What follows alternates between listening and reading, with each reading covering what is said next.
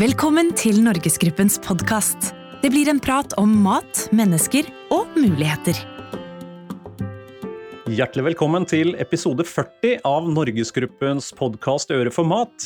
Jeg heter Stein Rømmerud, og i dag er temaet klima og bærekraft. Og vi har tre spennende gjester med oss i studio i dag. Dette har jeg virkelig gleda meg til. Felles for de tre det er at de har et brennende engasjement for miljø og klima, og alle tre ønsker å bidra til å snu klimaendringene. Men de er født i ulike tiår og ulike generasjoner. Den yngste deltakeren i dag det er Penelope Lea. Du er født i 2004, men du har allerede rukket veldig mye. Du er miljøaktivist, du jobber i Natur og Ungdom, og du er allerede en kjent eh, norsk eh, figur i spørsmålet om klima og eh, bærekraft. Allerede som 11-åring så ble du valgt inn i styret for Miljøagentene i Oslo, og siden da så har du leda Barnas klimapanel, og du har holdt en rekke appeller både under FNs klimaforhandlinger i Bonn, du har vært på Arendalsuka og holdt appeller, og du har vært på TV. Og du er også den første miljøaktivisten som noen gang har blitt valgt som ambassadør i hele Unicef-systemet. Velkommen til oss i Øreformat. for mat. Tusen takk. Og den andre gjesten vi har i dag, har også et sterkt engasjement for bærekraft og klimaarbeid.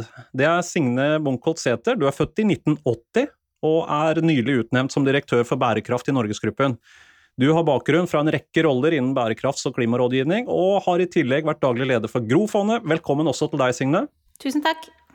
Og sist, men ikke minst, så har vi også med Torbjørn Johansson i dagens podkast. Du er født i 1948 og representerer den eldste generasjonen her i dag, og også eiersiden i Norgesgruppen, og er til daglig arbeidende styreleder i ASKO. Men du er også stadig å se i fronten for ambisiøse bærekraftsatsinger, enten det er hydrogenlastebiler eller etablering av store solcelleanlegg eller planer om havvind. Velkommen også til deg, Torbjørn. Tusen takk. Så det er jo tre veldig spennende gjester vi har i dag. Tre ulike aldre, men de har et, et felles uh, engasjement. Og det som er spennende å finne ut mer om, er hvorfor noen får dette ekstra engasjementet på klimaområdet. Så jeg har lyst til å begynne med deg, Penelope.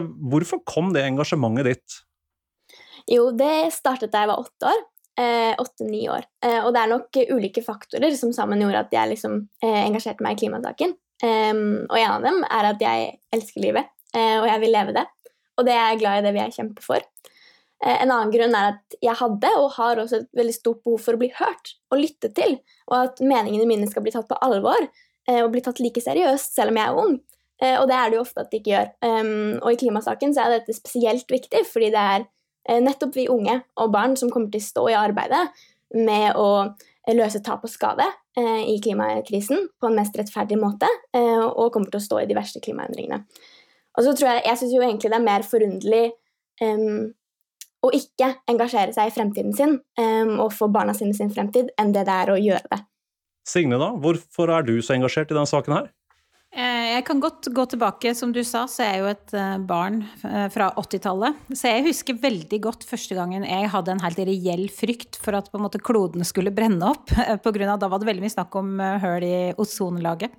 Da var jeg sju år gammel og bestemte meg der og da for at det var en sak som jeg gjerne ville prøve å gjøre noe med. Fordi man uh, tenker jo at det klarer man jo når man er sju år. Uh, og på samme tid så planta foreldra mine ny eplehage på gården hjemme i Telemark. Og da fikk vi noen helt enorme epler eh, på de trærne, for det var litt sånn veldig godt jordsmonn og litt sånn u... Eh, ikke helt eh, justert. Men pga. at de var altfor store, så fikk vi ikke levert dem til salg i butikk. De måtte rett og slett gå til press. Eh, helt nydelige, men bare altfor store gravensteinepler. Og det forsto jeg absolutt ingenting av, og hvordan liksom, reglene for hvordan ressursene ble utnytta. Og da tenkte jeg at et sånt bakvendt system må det vel gå an å gjøre noe med. Så det var liksom starten på engasjementet mitt, for å begynne der, da. Torbjørn, da. Eh, du har jo eh, engasjert deg voldsomt i dette, og du, eh, du mener virkelig alvor med, med bærekraftsatsingen. Og du er jo en forfekter både internt og eksternt for, for dette spørsmålet. Hvor, hvor, kommer det engasjementet derfra? Jeg må nesten si som Penelope, jeg skjønner nesten ikke hvorfor ikke alle er veldig opptatt av klima- og miljøspørsmålene. Men eh, ja, da jeg var liten, holdt jeg på å si, så var jo ikke klima og miljø et begrep vi hadde noe forhold til i det hele tatt. Men jeg var, har alltid vært veldig samfunnspolitisk engasjert eller opptatt. Og I studietiden jobbet jeg mye med u-landsøkonomi, bodde i u-land osv., fordi det så jeg da som en stor utfordring globalt sett. Og så var det vel sånn på begynnelsen av 2000-tallet, så vidt jeg husker, eh, hvor det liksom gryende klima Vi fikk Brundtland-kommisjonen vel i 98, og det begynte å bli snakk om dette her. Så, så da begynte det å bli sånn gryende globalt engasjement også for meg. Og så vil jeg si sånn litt mer personlig at jeg jobber jo da med ASKO, som er sånn logistikk, teknologi, tall, det er hjerne osv. Det kan jo bli litt eh, holdt på å si, hard facts og kjedelig innimellom. Og det da kunne jobbe med noe som appellerer til samvittighet og hjerte, og, og med tanke på barn og barnebarn osv., det ga jo utrolig mye mer egentlig enn å jobbe med bare tall og logistikk. Så, for da føler du at du kanskje gjør lite grann for uh, våre etterkommere her i verden. Mm. Hvilke prosjekter var de første du gjennomførte, Torbjørn, på det, på det feltet her, hvis du tenker tilbake? Ja, Vi hadde en samling. Eh, jeg husker det begynte med, var vel i 2009 på Krokskogen. Eh, hvor en eh, yngre kar sa 'skal vi bli klimanøytrale'? Og hele gjengen sa ja. Jeg ante jo ikke hva det betydde, men når du sier ja, så må du mene ja. Og da var det dagen etter å sette seg ned med hvor har vi utslipp igjen i Asko? Vi hadde jo ikke noe klimaregnskap og sånt noe den gangen, så vi regna med at det var alle disse 700 lastebilene våre som måtte spydde ut diesel, som måtte være et sted å begynne. Og da var det bare å finne ut av hvordan skulle vi få utslippsfritt drivstoff. Og året etter så avduket daværende miljøvernminister Erik Solheim verdens første bioetanol-lastebil, som et eksempel. Altså det var bare å Hvor har vi utslipp? Sette i gang tiltak, og så var det sånn. Det var ikke så veldig avansert, eh, og kanskje som for Askos del så er det ikke så vanskelig, fordi det er veldig lett å måle utslippene og finne ut av hvordan du skal gå til angrep på disse. Mm. Penelope, tilbake til deg. Du er jo den yngste av de tre gjestene i dag, men mm. du har mm. allerede rukket veldig mye. Eh, føler du at du blir eh, lytta til, selv om du er ung? Ja. Eh, jeg har jo alltid tenkt at det er to ulike måter å bli hørt og lytte til. Det er det å faktisk bare liksom sitte rundt et bord, eller at noen hører på ordene du sier. Og så er det det å faktisk bli tatt på alvor, og at det blir gjort noe med det du sier. Um, og det føler jeg det er mindre av uh, i dag. Um, vi mangler en, en, vilje, en politisk vilje til endring ennå, uh, og det er trist, fordi vi, er helt av disse, vi er helt avhengige av disse endringene nå. Um, og klimaendringene er jo en trussel for både menneskerettigheter og barnerettigheter rundt om i hele verden. Um, og så et klimaengasjement er et arbeid for menneskerettigheter og barnerettigheter, og vi er helt avhengige av for å ha trygge samfunn at dette skal følges opp. Mm. Mm. Nå har jo Torbjørn representerer jo eiere uh, i et stort uh, norsk selskap, og, og, ledelsen i et stort selskap, uh, norsk selskap. når politikerne da ikke leverer, hvilken rolle mener du næringslivet og næringslivslederne kan, kan spille? Ja, De har jo et enormt ansvar og en store muligheter til å bidra til å um, endre og skape en holdningsendring blant folk. og til å gjøre endringer mulige. De, det er viktig at de går foran, selv om politikerne Eh, noen gang henger bak. Mm. Mm. Signe, du eh, hadde jo også en spennende historie og bakgrunn med engasjementet ditt. og Du har jo vært eh, aktivt med i hele bærekraftsfaget de siste ti årene. Hvor mye er det som har endra seg i løpet av de ti årene? Ja, Det er ganske mye, vil jeg si. Kanskje særlig sett fra næringslivets eh, side, da. For eh, det er vel ja, ti-tolv år siden nå så hoppa jeg fra sånn trygg jobb i Finansdepartementet til å starte opp sjøl og jobbe som eh, konsulent innen bærekraftstrategi. Det var ganske nytt, faktisk, i 2010. Men jobba for større norske selskaper som type Tomra, KLP, Skipsted og andre som jo tross alt ha gått foran. Men det var ikke lett. Det tok gjerne kanskje et år fra man tok kontakt til, til man hadde eh, et opplegg for å, for å, se på hvordan selskapene jobba med bærekraft, da, eller klima, miljø, eller samfunnsansvar, som det het da. Og det var absolutt ikke så høyt på agendaen som det, er i dag. Det skjedde veldig mye rundt 2013, for da kom det endringer i regnskapsloven. Og det høres jo veldig tørt og kjedelig ut, men når man som selskap blir målt på noe, det kan sikkert Torbjørn svare mer på, men så skjer det jo også mer. Eh, det gjelder om det kommer i lovs form, eller om det er ledelsen som setter de måla. Og derfor så er det kjempeviktig med krav, eh, som også Penelope sier, fra toppen. Og jeg tør å påstå, faktisk, eh, som har da jobba med mange mange selskaper innenfor bærekraft, at det er et av suksesskriteriene til nettopp Norgesgruppen. Fordi at eierne og ledelsen tør å ta sjanser og være tidlig ute både på teknologi, men de gjennomfører også, eller med gjennomfører også endringer i bærekraftig retning på de områdene hvor det monner, da. Eh, og så er vi ikke tidlig nok ute. Vi må også raske på. Eh, et eksempel hvor vi nå er først i Norge, men hvor vi gjerne kanskje skulle kommet lengre, er jo at man har begynt å sette klimareduksjonsmål på hele produktporteføljen. Og det, er, det kreves fordi det er veldig bra å gjøre ting i egen drift, men, men vi må se helheten i hele verdikjeden for mat. Så det har skjedd veldig mye på ti år, og det er bra. Torbjørn, eh, sett fra ditt eh, perspektiv, hvor viktig er eh, eiernes og ledelsens engasjement i, i denne saken? Ja, Det er som holdt på å si, i, i, alle andre sammenhenger utrolig viktig. Men det er jo da, måten de gjør det på som er avgjørende her. At de ikke står og holdt på å si, holder noen luftige taler med visjonære ord osv. som ingen helt får med seg. Altså, de må være veldig tydelige i sine forventninger og gjerne krav om hva bedriften eh, skal levere. Eh, og de må ta eierskap til dette, vise at dette tror de på. At det ikke blir noen festtaler, men at det er noe som gjennomsyrer hverdagen. Som Signe sa, det har skjedd veldig mye her. og jeg, etter hvert nå så begynner vel dette med bærekraft, klima og miljø å bli en del av den integrerte ledelse. Men det er jo ikke lenge siden liksom, de som jobbet med bærekraft og miljø, de satt litt sånn på utsiden på et bøttekott, hadde nær sagt. Og så var det de andre som uh, gjorde jobben. Jeg håper jo det blir motsatt, da, at de som jobber med klima og miljø, de skal stå i fronten. Og så får de andre komme etter. Fordi dette er jo, helt fun det er jo fundamentet for vår fremtidige virksomhet. At vi får orden på klima- og miljøutfordringene. Uten at vi gjør det, så hjelper jo ikke alt det andre vi jobber med. Penelope? Ja, og som dere sier, ja, vi har kommet langt, og så har vi enda en lang vei igjen å gå. Eh, og da er det jo ekstra viktig at vi er tydelige med de endringene vi gjennomfører i organisasjoner, i næringsliv, i offentligheten, eh, sånn at det kan være med eh, å skape denne holdningsendringen da, som vi fortsatt trenger blant folk. Hva er de viktigste tiltakene vi kan gjøre fremover, Torbjørn?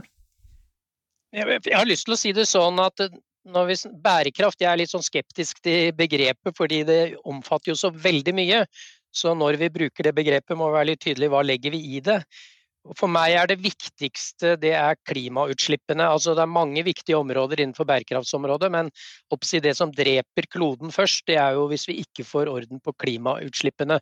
Så for meg er det alfa og omega. Men så vil jeg si, jeg var litt inne på dette med u-land og utvikling og sånt nå. Den andre store globale utfordringen, slik jeg ser det, er dette med integrering, flyktninger, ja, fattige land osv. Og, så og jeg har lyst til da innenfor bærekraftsområdet at vi i Norgesgruppen og ellers skal bli enda tydeligere på dette med mangfold, integrering, få alle med osv. Får vi ikke til det, så vil det også være en trussel for, for oss. Så mm. dette med men menneske og mangfold eh, ved siden av dette med klimautslipp er for meg de to vesentligste elementer å, å jobbe med innenfor bærekraftsområdet. Nettopp. Og du nevnte jo uh, dette med klimanøytralitet. Signe, hvordan uh, tenker vi rundt klimanøytralitet i Norgesgruppen? Uh, hvordan definerer vi egentlig det? Hva betyr det? Ja, klimanøytral er jo Det tror jeg vi kunne hatt en egen episode om, eh, sikkert. Men det er jo hvordan Så det er ulike måter å definere det på. Men i Norgesgruppen har vi i hvert fall en, satt en um, streng ambisjon hvor vi skal redusere mest mulig på, på, de områdene hvor vi har store utslipp først. Før, og det betyr produsere egen fornybar Eller utløse ny fornybar energi. Redusere mest mulig av avfallet, energieffektivisere overalt der vi kan. Ikke bare ved hjelp av nye, flotte miljøbutikker, men også eksisterende bygningsmasse um, osv. Før vi da uh, kompenserer. Og det mener vi er viktig fordi at den energien du ikke bruker, er den reneste. Mm. Penelope, din generasjon stiller jo tøffe krav til sånne som oss. Det er, jo, mm. det er jo veldig bra. Men hvilken oppfordring har du til oss fremover?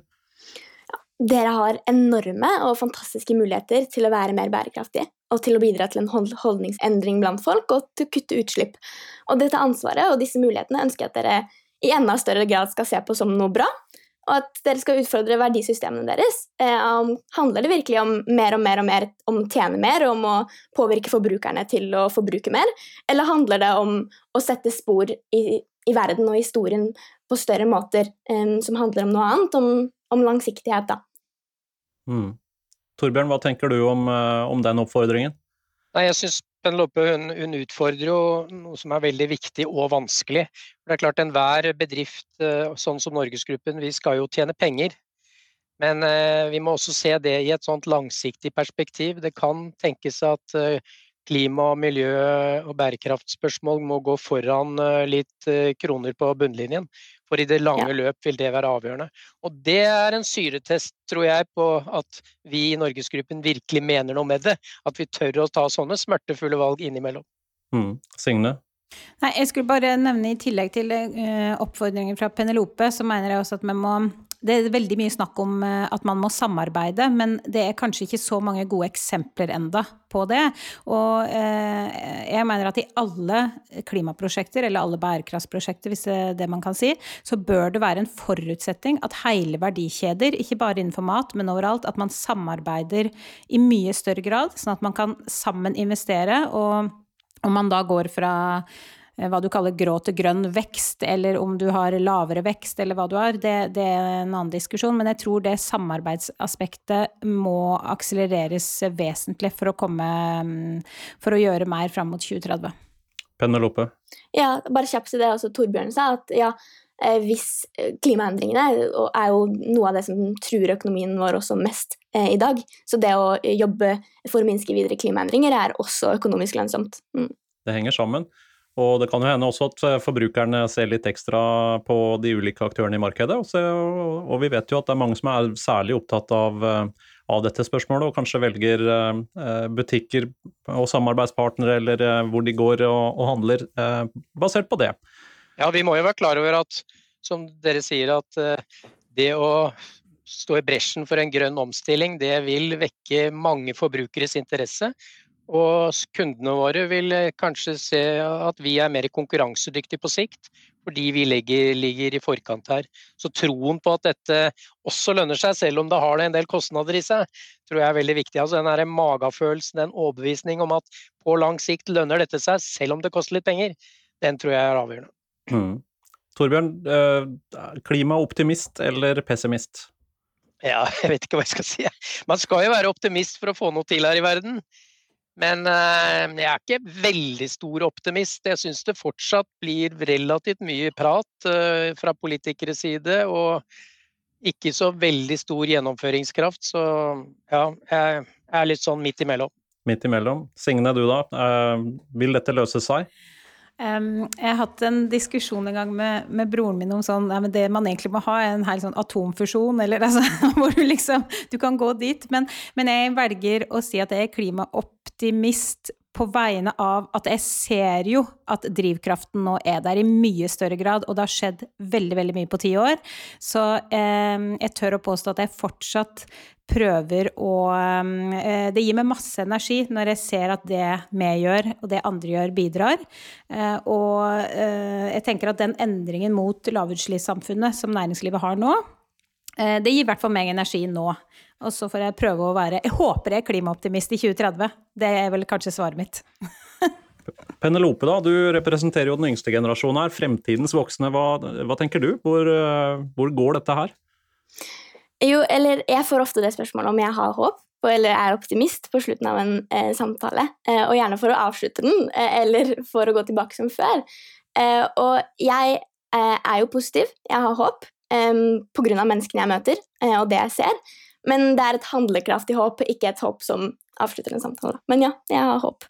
Det var et uh, utmerket siste innlegg uh, i dagens Øreformat, for med det så er uh, denne utgaven over. Det var et spennende tema, tre spennende gjester i dag, og vi håper at dette også trigger en, en ny og spennende debatt fremover.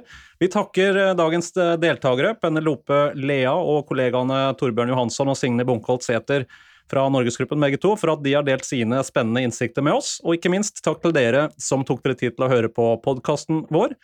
Mitt navn er Stein Rømmerud, og vi er tilbake igjen i august med neste episode av Øre format. Abonner på Norgesgruppens podkast i iTunes og på Soundcloud. Besøk oss på norgesgruppen.no. Gi oss gjerne tilbakemelding på Facebook-sidene våre.